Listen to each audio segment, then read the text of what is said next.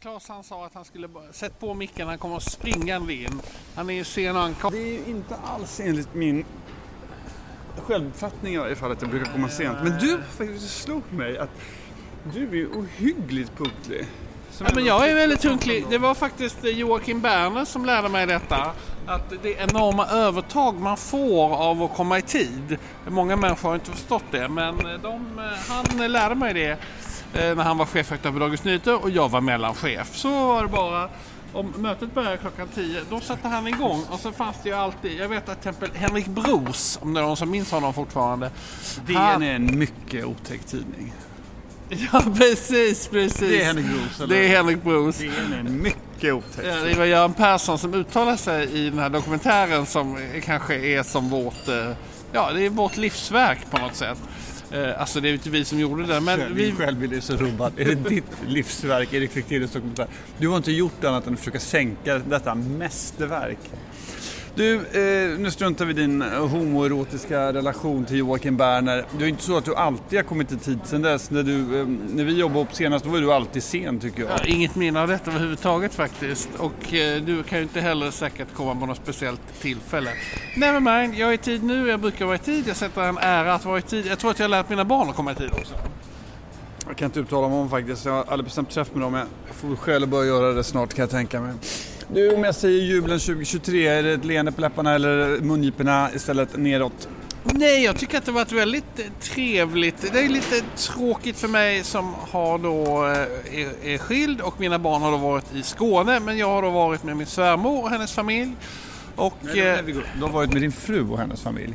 Du har inte varit med din svärmor Nej, jag, men alltså, jag är ju med min fru hela tiden men, men eh, julen har spenderats med eh, svärmor och eh, hennes eh, Och svärfar också. och svärfar och Du har ju en konstig fixering vid din svärmor. Alltså, du har alltså firat jul hemma hos Annas föräldrar. Men du väljer att säga att du har firat med din svärmor och hennes familj. Din svärfar nämns inte alls och inte din fru heller. Du, du min fru tyckte att du var ovanligt trevlig mot mig i förra podden. Hon brukar säga att du är oftast väldigt aggressiv mot mig. Men nu verkar du ha kommit tillbaka i dina gamla gängor igen. Så fort jag gör ett minsta lilla misstag så hugger du som en, en kobra.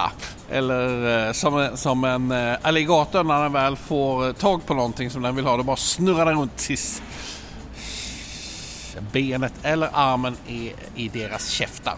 Du, när vi var där och firade och eh, jag, nej men det var jättetrevligt. Eh, det är väldigt avspänd atmosfär hemma hos, eh, hemma hos, hemma hos Kerstin och Lasse. Och alla får lov att göra lite som de vill. Och eh, om man vill eh, liksom komma med i samtalet får man liksom skrika, man får liksom kasta sig in. Att alla pratar i mun på varandra hela tiden. Så det är väldigt levande. Det måste vara en jättesvår miljö för dig att verka i. Du, Peter Tam skriver så här i Djursholms villastad, kolon. Lyssnade på i podd nyss. Lyssnar för övrigt alltid på i podd när ett nytt avsnitt kommer. Idag tyckte jag, det var alltså förra avsnittet, idag tycker jag det var en hel del inbördes gnabb. Det betyder att den ena inte hinner slutföra sitt resonemang för att han ska först ge igen. Lite underhållande, men även lite, lite tröttsamt. Detta av ett före detta nyhetsankare som vet vad han talar om. Nu tar, Jo, vi, till tror oss av lite- den, nu tar vi till oss av den kritiken och så tycker jag vi försöker tänka på att det kanske är andra som lyssnar än din svärmor på den här podden. Jag vill säga en annan sak nu, apropå just SVT och där Peter Tam verkade tidigare. Så jag har tänkt på en sak som... Eh, vi har ju egentligen den här podden av en enda anledning. Det är att vi på något sätt ska bli sedda av Cyklopernas land. Att redaktionen på Cyklopernas land ska känna att ja, men det där är två samtidskillar, de ska med på något sätt. Nu hade vi vår chans på uppesittarkvällen, dagen innan julafton, då det var, om jag förstår det hela rätt, tre timmars sändning utan att någon av oss var tillfrågade. Så att jag tänkte på det här när jag läste Johan Kronemans hyllning till Cyklopernas land. Vi tillhör inte Cyklopernas land-generationen. När vi eh, när vi jobbade ihop senast, eh, vet du, eller vet du vilket program som tidigare kapslade in den här typen av generation? Knesset i ZTV. Nej, det, fanns ett, det är sant, men det fanns ett program emellan. Studio Virtanen. Vi var Studio Virtanen killar. Där var vi med och fick Nej, jag tyckte Studio Virtanen, nej jag tyckte det var, nej jag tyckte inte det, det hade saknade en, en elegans tycker jag, studievetarna. Jag håller inte alls med om det. Eh, jag tycker att eh, Fredrik Virtanen har blivit orättvist behandlad men han, jag kommer ihåg till exempel, men jag vet varför tar jag upp det. Nej, men jag kommer ihåg till exempel när han hade Ann Söderlund som gäst i programmet. Då, då var liksom den, den, den frågeställningen var varför har inte vi legat med varandra? Och då tänkte jag så här, men fan detta är inte bra alltså. Och det visade sig att jag hade rätt. Som så många gånger förr. Men jag tror inte att det man ska, måste klara av att göra när man pratar om likheter, det är inte att säga att det är kopior. På den tiden, då, och med programledare som Fredrik Virtanen, då var det motsvarigheten till eh, Cyklopernas land, där det kunde hamna personer och samtalsämnen som inte hamnade någon annanstans. De lite... Kommer du ihåg vad Tam sa nu? För, sitt inte och mjaua när jag pratar. Där hamnade personer som, eh, och ämnen som man inte riktigt visste vad man skulle pussla in någonstans. Eh, sen var ju mycket det både vulgärt och... Det som var kul med den serien var att den var en så... så att det var så många program. Alltså till att börja med så tycker jag kritik från eh, någon person i, i Tams ålder och med den personens dramaturgi och synsätt, det lämpar sig inte för den här podcasten för att den här podcasten försöker vara modern. Och jag tänkte på detta då, jag tittade, vi ska gå tillbaka till Cyklopernas land. Jag vill bara säga att jag tittade på Fanny Alexander filmatiseringen Filmatiseringen eller serien? Ja, serien. Det, det, men åtta eller fem timmar? Ja, det vet jag inte hur många det var. Jag tittade ju kanske bara. Den stod på hemma hos svärmor. Eh, och det fascinerande med den serien det är ju att det går så extremt långsamt. Alltså det går ju så långsamt så att man, man, man kan inte fatta hur långt Eh, att det går så det är liksom långsamt. Men, eh, och det är det jag menar med Peter Tam, hänger han inte med, nej men då kanske han ska lyssna på den här åldrade samtal eller någonting sånt som hon Kerstin, den här hon som fick sparken från SVT för att hon sparken, hon fick sluta för att bli pensionerad.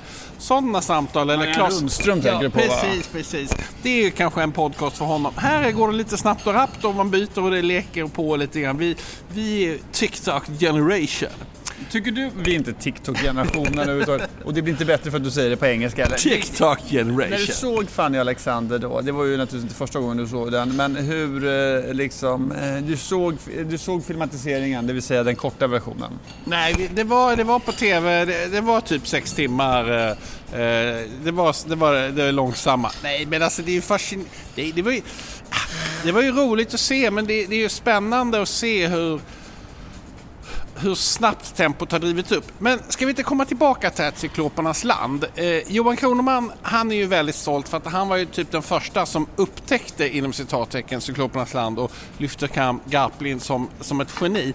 Nu blev ju jag väldigt irriterad på den här recensionen som han, som han hade för att det var uppenbarligen en person eh, som var med i programmet som ja. inte skulle få vara med. Och vem är det? Ja, och det är så irriterande. Så det är så typiskt Kroneman att liksom Fan, eh, du, hugg för fan, hugg istället för att liksom, ja nu skulle jag... Liksom... Ja, men det finns en med... så är det inte så att han är rädd att framföra kritik. Alltså, eh, halva drapan handlade ju sen om Karina Bergfeldt och där lägger han inte fingrarna emellan.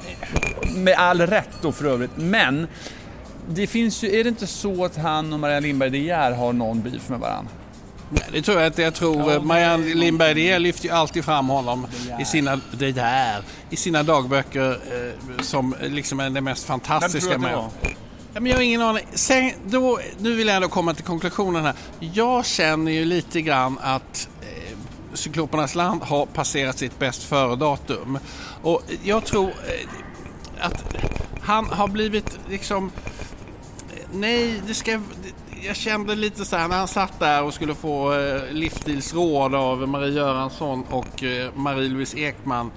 Ah, det, det var liksom, det kändes, nej, det, alltså det ska vara mer, liksom spela där i din egen division, hitta någon mer som han Elis eller, eller något sånt där. Det, det är liksom, det skulle, nej jag vet inte, jag tyckte det kändes eh, Nej, det kändes inte bra. Och så tre... Nej, jag, har, jag kände jag tittar inte på uppesittarskillar. Men jag kan också notera när vi var hemma hos svärmor. Svärmor är ju väldigt upptagen av eh, eh vad heter det? Hon är ju väldigt upptagen av Cyklopernas land, eh, alltså då 70 plus och så så vi då eh, snart, du snart 50 plus och jag snart 60 plus. Det kanske är så att, eh, och jag märkte också att bland de unga där, alltså barnbarnen, ingen kände till Cyklopernas land eller visste vad det var eller hade någon aning om detta överhuvudtaget. Så att, Programmet har ju inte täckt ner i TikTok generation. Nej, men jag håller eh, inte med dig alls. Jag tycker att det här programmet precis nu börjar hitta sin form. Jag tycker att det är precis sådana här program som SVT ska satsa på att göra. Jag tycker Garpin gör det svinbra. Sen är det ju inte alltid att allt alltid blir bra, men de vågar ju ta ut svängarna. De vågar mixa konstiga gäster med konstiga ämnen. Ibland uppstår den här konstiga tystnaden som aldrig uppstår med dig för övrigt. Eller att man känner att det här ämnet blev helt, helt fel nu. Något generat skratt eller... Däremot tror han... Eh, nej, att Jag, eh, jag, eh, jag kan också tycka att en del av spaningarna som de här så kallade spanarna levererar är alltså så lövtunna och usla. Så att man... Alltså, det är det jag menar, varför har du och jag inte fått leverera en spaning där? Jo men alltså vi... Tror han hade varit med på whiteboarden på SVT liksom? Ska man testa dem eller skulle de... Nej, de funkar inte. Han... Nej men alltså vi, det, måste hända, det måste hända ett paradigmskifte för dig och mig. Inte, eh, och den här podden räcker inte för det utan det måste hända något Vad annat. måste vi göra mer tror du? Nej men alltså jag tänker lite... eh, Nej men jag, vad heter det? Du skulle ju jag är kunna- ganska bra bekant med Gert Wingård. Och han har ju haft, han har ju varit väldigt, väldigt känd i mitt universum under väldigt lång tid. Men sen så har det ju på något sätt det här tv-arkitekturprogrammet, han har ju liksom blomstrat upp. Det är de senaste 5, 6, 7 åren som han har blivit liksom en superkändis. Du skulle behöva, göra- vi skulle behöva göra någonting sånt. Vet du vad du skulle kunna göra? Det skulle behövas en ny succé på en ny marknad. Ja, men fattar vad du skulle kunna göra? Att vi sitter här och, och poddar eh, i Sturegallerian i mellandagarna, det är liksom bara... Ett rop på hjälp. Det är ett rop på hjälp. Vet vad du, vänta, jag har kommit på det nu. Vet du vad du skulle kunna göra? Jag förstår vad du menar. Man ska göra något på ny arena. Skitbra idé. Vet du vad du skulle göra? Nej, men jag vet redan men vad jag ska göra. ja, Men men- okej, säg du det då. Vet du vad du skulle göra? Nej. Jag tycker du ska döda en kille. Du skulle göra det skitbra som livstidskriminell. Du slår ihjäl någon, sitter på kåken, där skriver du någon bok eller någonting, sen kommer du ut och så blir du liksom... Alltså Claes. Jo men du skulle kunna men- dräpa någon. Ja, Men, alltså, det märks att ni här på Östermalm... Dräpan, Ni. Jo. det märks att ni här på Östermalm, ni lever liksom i en... Eh, vad ska jag säga? Vi, vi, det har liksom ingen... Alltså, det är ju det som är slående i jul när man träffar människor som är i andra cirklar. Att cirklarna inte möts längre. Alltså jag lyssnade på radion idag. Det var... Vad Du var har det? varit hos din svärmor som bor en kilometer från dig. Jo, på men jag märkte det. motorvägen Och du pratar om cirklar. Jo, Vad men du jag menar med cirklar- Du behöver ta livet av någon. Alltså, det- det är det jag vill säga. Nu lyssnar jag på radion här i morgon när jag cyklar in. Det var 60 mord hade det varit nu här. Att man skulle döda någon, det är kanske det minst originella som kan hända i Sverige idag. Ja, men att du skulle göra det, det är det det handlar om. Ja, men alltså, ja. Jag kan säga så här då, att jag håller då, jag har ju börjat författa nu på mitt nya opus och jag har då, det, det går, jag Jag kämpar har på. fortfarande fått läsa någonting. Nej, jag tänkte nej, att nej. jag skulle kunna recensera någonting här idag. Okej, Och du har okej. gjort det stora, stora författarmisstaget. Vet du vad det är? Vad är Det är att det? bläcket har inte ens torkat. Du har inte ens ett förlag klart förrän du börjar berätta för omvärlden om att du ska skriva, och inte bara en bok, utan hundra böcker. Detta är, det är så jävla dumt gjort. Okej, ja, det här med 100 böcker, det, det kan, jag känner att, vad heter det? 100 böcker av 400 000 tecken, det gör cirka då eh, 420 eh, sidor beroende på typsnitt och, och hur hög boken är. Det är alltså en fruktansvärd mängd böcker du ska producera. Okej. Du har inte bara sagt att Ja, du ska göra en bok, Nej, utan okej, jag- det är jag- 100 Ja, böcker. ja, Okej, men jag håller på här. Jag vill bara Varenda säga... person du träffar kommer fråga Tja, vi går, det med boken då? Ja, men Är alltså, det då vill jag säga, eller?" jag, jag skriver, har gjort en ranson text som jag ska skriva varje dag och eh, fram till nu har jag faktiskt gjort det. Det är, ja precis, eh, eh vad heter det? Kommer du ihåg när du höll på med rörmokan? Kommer du ihåg liksom hur mycket skohorn det var då, att göra om, vända... Som det alltid är med alla böcker, så det var definitivt inte unikt för dig, men det finns ju den lilla detaljen. Den lyckliga tiden i ett bokskrivande, det är att sitta i fred och skriva, te- eh, skriva sina tecken och känna att ja, nu går det framåt, eller det här var kul, eller det här var mindre kul, men jag jobbar, den glädjen. Den har ju du satt liksom i ett skyltfönster på Sergels torg nu. Ja, men jag tror det är bra att vara ett skyltfönster på Sergels torg. Ja, Du- vill- vet jag vill, för det första vill jag säga så att jag är i det här projektet din absolut största supporter. Hoppas verkligen att det blir 100 böcker. Det vill jag vara tydlig med och jag ska göra allt för An- Anna tyckte faktiskt det var lite dumt att jag sa det här med 100 böcker. Hon tyckte... eh, Men det är lite som när jag träffade dig, du brer på mackan ytterligare lite. Men vänta, har du ljugit eller är det 100 böcker? Men ambitionen är 100 böcker. Självfallet är ambitionen 100 böcker. Okej, populärkulturellt nu. Då finns det ju en annan sak som folk gjorde i eh, går och förrgår va? Jaha, vad är det? Hammarskjöld biograf. Okej, Bio. okej. Har du sett okej. Nej, jag har inte sett den. Jag har... Eh, jag, noter, jag läste svenskans recension fick en två, annars har den fått liksom fega treor. Trean som du förbjöd eh, på alla dina arbetsplatser. Ja. Varför- Det är en ett eller femma vi ska ha. Nej, nej, men en två eller fyra är också godkänt. Men Men, en tre- betyg tre borde avskaffas. Det borde absolut avskaffas. Eh, Och eh, det hade liksom tvingat de här människorna att ta ställning. Är det här något som man ska gå och se eller är det någonting som man inte ska gå och se? Utan att ha sett den här filmen så är det två saker som slår mig.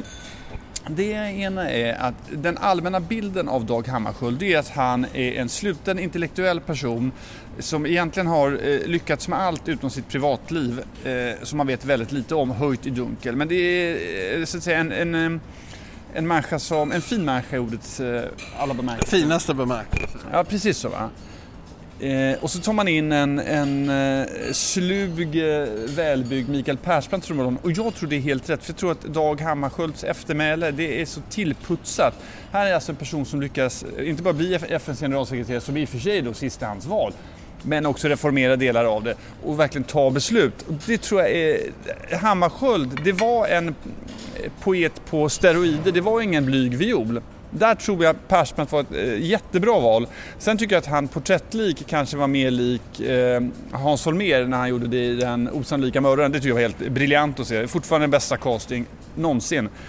Det andra som togs upp i någon av de här texterna och som slog mig, som jag gärna skulle vilja höra din syn på. Varför är det okej att fejka handling och personer i filmer men inte i, i, i böcker, alltså biografier helt enkelt. Och om Hammarskjöld så kan man i en film kan man ändra scenarier, man kan flytta fram, man kan skriva in fiktiva personer för att skapa den dramaturgi man vill. I en bok skulle det vara totalt eh, då hade det blivit ett jävla liv helt enkelt. Jag tror... Eh, jag läste det i Svenska Dagbladets recension att de har modererat om handlingen och ändrat om. Och det gjorde man även i filmen JFK vilket gör då att det har ju på något sätt förändrat bilden av, av Kennedy-mordet fullständigt. Där liksom, från det att alla var ganska överens om hur Herr gick förra film, Monica Z, var Ja, samma sak ja, men där precis. va? Jag tror att detta kan bli en backlash faktiskt för att det sprider en slags det här sagosamhället som vi lever i där alla lever i olika cirklar. Nej, jag är nöjd, jag behöver inte mer te. Nu gick han iväg här. Det här sagosamhället som vi lever i, det kommer komma en motreaktion på detta. Det, det kommer bli så att det kommer straffa sig att eh, flyta omkring för mycket.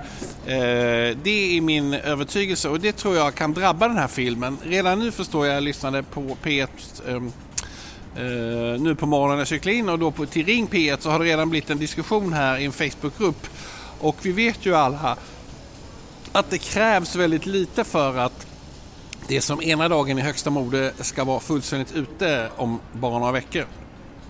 Så att det är en farlig väg att gå det här att eh, dramatisera och det, ändra. det är intressant att, då, eh, att de här Och personerna... jag tror att det, det, kritiker kommer, alltså jag tror att som en film som Hammarskjöld där den får så här lite ljumma betyg, då vill ingen gå och se den. Om dessutom det sprids liksom uppgifterna att eh, det inte stämmer det som står där. Det här kommer Karin Mamma Andersson där. Det är samma bokcirkel. Oh, oh, ja, Tack så mycket. mycket. Nej, det går bra. Jag blir klar. Så här, vi, för miljön. Enkla människor. Du, Men det är intressant nej, tycker jag- jag, nej, men får jag säga tror att det finns nu? en fara Ja, men du har sagt det. Men det jag tänker på, det är intressant att de personerna som utfärdar den här kritiken eh, har liksom lätt att skriva den när det gäller böcker och svårt att ta upp den när det gäller filmer. Att det, man liksom inte kan, att det inte finns en, en eh, någon form av respekt för hur man ska skildra en annan människas liv och eh, livsverk. Om man skriver i ett manus eller om man eh, sätter det på, på, rörlig, på rörlig bild. Kanske är det så att man av naturen förstår att man kan inte, det är så svårt att göra en film på det sättet så att man, man, eh, man tillåter, här kommer en vinnare. Eh. Men det är konstigt. Sagan, jag är övertygad om att sagan liksom skapades för att livet var så ofullkomligt. Alltså, livets dramaturgi är ju fruktansvärt eh, dålig. Det är ju bara man föds och sen så eh, lever man på. Och spelar ingen roll om man vinner på Lotto eller vinner fotbolls-VM. Nästa dag är allting som vanligt igen. Men då slutar alltid filmen eh, när det har hänt. Jo, men men livet bara rullar på och sen så till slut så dör man och det är en lång utdragen seg historia. Eh, Ja, men I sen måste 99 man fall av 100. Sen är det ju en genre också som man väljer att ta ut. Alltså ska man skildra Hammarskjöld så kan man göra det på olika sätt. Är det, alltså, eh, det, det går ju alltid, det är spännande om man skulle välja att göra det på något helt annat sätt. Man skildrar honom eh, bortom eh, statsmannaskapet, bortom hyllningarna, bortom martyrskapet. Eh, om man nu var eh, Vägmärken har ju du också läst. Det är väl lite oklart om det, han ville att den skulle ges ut överhuvudtaget. Om det ens fanns något att, så att säga, ge ut innan, medan han levde. Eller hur hans privatliv var, eller hans maktsituation var, eller arvet efter pappan, eller hur han såg på socialdemokratin. Alltså, det finns ju, du kan ju välja hur det där ska Du hade väl kanske inte gjort Hammarskjöld komedin, det hade varit, varit eh, djärvt. Men i Nej, teorin vet så skulle du kunna göra det. Ja, ja, ja. ja Apropå jag, dramaturgin, vet du vilka som jag tror har fått en ny regissör? nej, nej, nej. Va? Du, nu hoppar du från ämnet här. Vi är färdiga med Hammarskjöld. Nej, men, Eh, Kör nu på, kör nu på. Ja, men du ställer en fråga, jag har inget svar. En ny regissör eller möjligtvis producent har absolut hovet fått. Jag Jaha. har då sett två produktioner under julledigheten. Det ena är året med kungafamiljen som brukar vara en långsam plåg, plågsam historia. Det var det inte i år. Mycket på grund av att både kronprinsessan Victoria och prins Carl Philip har eh, alltså, för resonemang på ett sätt som de aldrig gjort tidigare. Men otroligt professionella, otroligt klara, otroligt rediga. Jag är riktigt imponerad av dem. Och sen såg jag dokumentären, nej intervjun med eh, drottning Silvia med anledning av hennes 80-årsdag. Och hon har ju alltid varit ett, eh, eh, tycker jag, kommunikativt geni, men man blir ju golvad av hennes charm. Alltså. Jag blir verkligen golvad. Och jag undrar då, det, här, det är någon som har eh, gjort något som inte har gjorts tidigare. De har dessutom slutat försöka vara roliga, vilket det finns en jätte... Det finns en, en lättnad tycker jag hos, som betraktare att man tänker så här, nu behöver vi inte vara roliga. För det här resonemanget om dyslexi eller miljöförstöringar eller det här landet, varför ni är i Australien. Försök inte skoja om något annat och det gör de ju riktigt bra alltså. Riktigt, riktigt bra. Jag måste tyvärr då meddela att enda sättet jag följer kungafamiljen är via Stoppa pressarna. Och där får man ju en lite annan bild av verkligheten. Jag, vad heter det?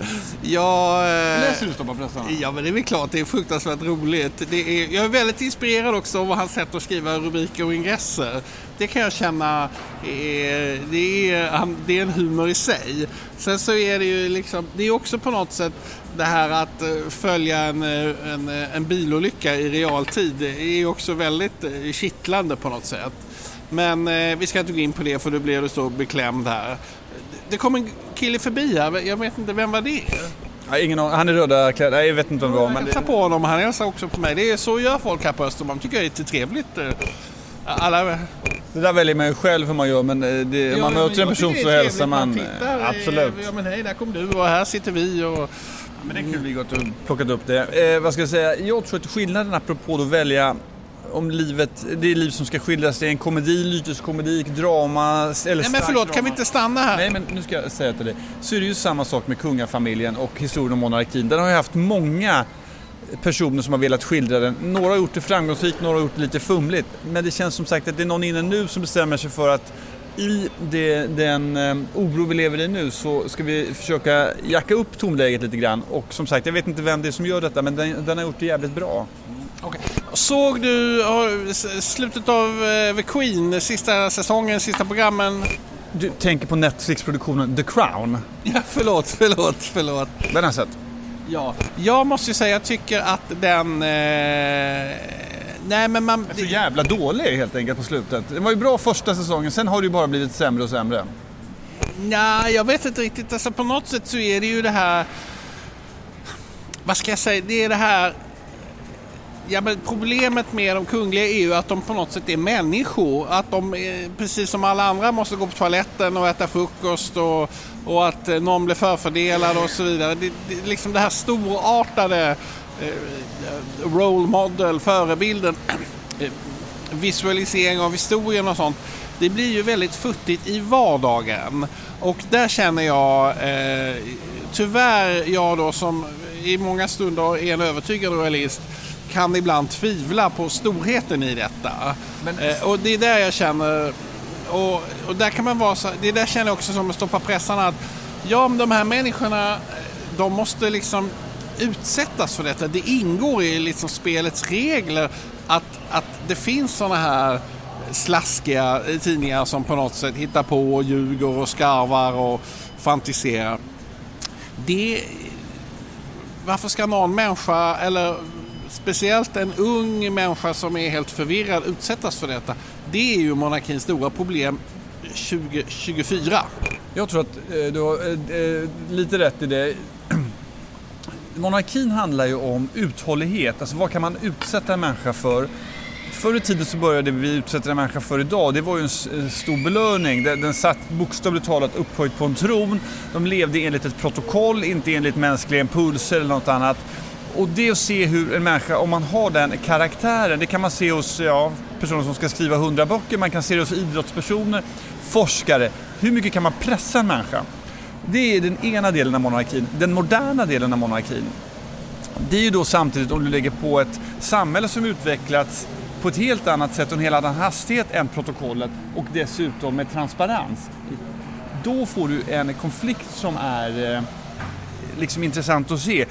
Orkar du, stå, eh, orkar du med den här prestationen du satt att eh, fortsätta eh, utöva eller ger du vika för eh, samtidens nyckfullhet, transparens, impulser och så vidare där ligger ju kittlingen. Det som är spännande med, det, med The Crown och det brittiska kungahuset, nu låter vi verkligen så vi är liksom fixerade vid det här, det är vi ju inte, varken du eller jag, men det som är intressant med det brittiska kungahuset det är att de är det enda kungahuset som gör det här på riktigt. Det är på riktigt. Om du tar de andra kungahusen, det är ju mer eller mindre blaha blaha när det kommer till protokoll. Ja, Alltså, eller säg så här då, att det finns en uh, mer human, ett mer humant protokoll, eller mer uppdaterat protokoll, eller ett mer mänskligt protokoll. Vi har ju till exempel lite kröning någon annanstans bland de här, um, nu finns ju inte så många, många monarkier kvar så jag säger de mindre eller yngre monarkierna. När man ser då den norska monarkin är ju praktiken som Ja, det är inte... Jag har ju varit på audiens i både det norska och det svenska hovet så jag vet ju lite grann hur det funkar när man kommer dit. Jo, det är sant. Och, eh, och, och eh, vara på audiens i norska hovet det är ju lite som att vara... Ja, som att vara hemma hos en eh, trevlig som en vanlig liten äh, äh, greve. Nej men det är kanske en, en bättre greve helt enkelt. En, en greve som ändå har fått behålla sitt äh, lilla residens någonstans. Ja men det är liksom hyggligt, det är, det är, det är folkligt, det är, det, är, det är vänligt. Det finns ju inte någon form av idé att man ska buga. Man ska nia och, och hålla på med titlar, ja, men inte, inte på något annat sätt. Om man ser då hur det går till i The Crown, där, där självaste premiärministern i princip backar ut Ja. Nej, det gjorde de inte i den här. Det var ju den andra filmen, The Queen, den som, eh, eller vem, jag glömde bort vad ja, filmen heter. Helen Mirren. Ja, den heter The Queen. Det sägs ju då, jag träffade någon som sa häromdagen att i England, då, tror, då har hemmafruarna glömt bort hur, eh, de ser på The Crown så mycket så de glömt bort hur de riktiga ser ut i kungafamiljen. Så ser de på, på liksom, hon ser ju inte ut så, det är inte hon helt enkelt. Nej, det är det. det är, nej, men vi lever ju i en fiktionaliserad verklighet eh, som Ja, det är väldigt... Det är ju en unik... Vi lever i en på många sätt helt unik tid. Det är verkligen eh, speciellt. Du, eh, jag känner att nu har vi eh, hållit på här vår vanliga tid. Så vi närmar oss slutet här. Jag ska göra en sak näst, i början på nästa år. Det är ju spännande med de här mellandagarna nu. Det är ju, vad är det idag? 27, det här är 28 december imorgon när det kommer upp. Det här är ju verkligen undantagsdagar för de allra flesta. Jag sitter och planerar eh, lite jobb. Jag ska moderera en rolig grej i början på januari. Nämligen Pontus Fritjofs 25-årsjubileum som krögare. Okej, eh, stort grattis till honom. Han har ju haft eh, den goda smaken att anställa min son ute på Solvalla. Så att, um... Och min son ute på Arlanda. Ja, absolut, absolut. Men... Nepotismen firar som vanligt stora triumfer. Stora segrar va. Men om man tittar på eh, hur många krögare har hållit i 25? Pontus fyller han är lika gammal som dig. Nej, han fyllde 50 förra året. gjorde du med va? Nej, två år sedan. Nej, han är något yngre än mig. Han är något yngre, förlåt. Men han har ju praktiken då, han har kört eget sedan han var 26 år gammal. Det är ju en historia för sig, apropå dramatisering. Men hur många är det egentligen som har haft samma uthållighet?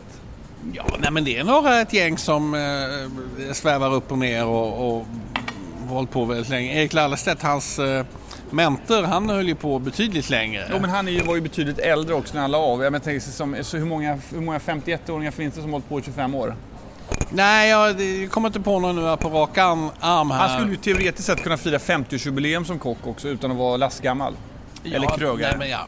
nej, men han... Eh, Nej, men det är väl jättebra. Pontus är en, eh, en fin eh, person. Jag tycker att han är ihärdig och uh, tycker att han är uh, väldigt duktig i sociala medier. Vi har ju en lång historia tillsammans, han och jag, som både Ja, men det har varit konflikter och det har varit väldigt roliga dagar också.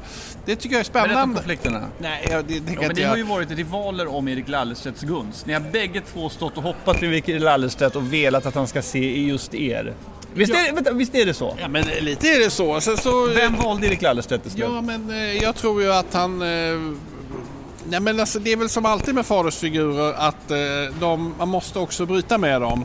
Och det... Jag kommer aldrig bryta med dig. Alltså aldrig. Det ska du veta. Ja, ja men vad jättebra. Jag ska själv sortera lite papper och eh, du vet eh, fixa upp ekonomin här eh, inför årsbokslut och sådana grejer. Så att jag... Hur många tecken ska du skriva då? Ja, men jag skriver 10 000 tecken varje dag så att det är, jag kämpar på med dem. Gör detta under något speciellt tidsspann? Ja, men jag ska skriva tio kapitel nu här innan... Nej, men alltså, så... gör du på kvällen eller dagen? Nej, jag gör det när det blir en liten lucka och då eh, skriver jag på här. Så att, Hur många tecken har du skrivit nu då? Ja, men jag har ju skrivit, jag har ju skrivit eh, sex kapitel nu här, plus en prolog. Och, eh, och eh, alltså 60 000 tecken på, på Ja, prolog. absolut, absolut. Så att, kan du inte berätta vad huvudpersonen i boken heter? Ja, han heter Claes Östergren, men det stavas med, som du då, med Claes. Alltså, Slas. Ja, och det, jag tänker både på Claes Östergren och jag tänker på dig med honom. Jag ser honom lite eh, framför mig eh, i dig då. Är det, liksom, är det din drömman? Eh, ta 50% av mig och 50% av Claes Östergren? Nej, jag vet inte riktigt varför. Lägger det i Jens Liljestrands ja, kropp. Men jag ville... jag ville ha en person, eh, vad heter det, ja, men jag, han, din ålder är, är väldigt bra. Eh, så att han, man kan säga att du är en förebild. Ja. Och sen ska det vara också, det ska inte vara han vill ju in i de fina familjerna men han är precis som eh, vad heter det, Harald Mix, en kille från Borlänge. Det är ju liksom en uppkomling. Ja. Så att han kan inte heta någon sån här Douglas eh, Ros eller någonting sånt där. Oj, där fick Douglas Ros en liten känga. Ja, nej, men alltså, han skulle kunna... Det finns Douglas, ordförande i hans bolag heter Douglas.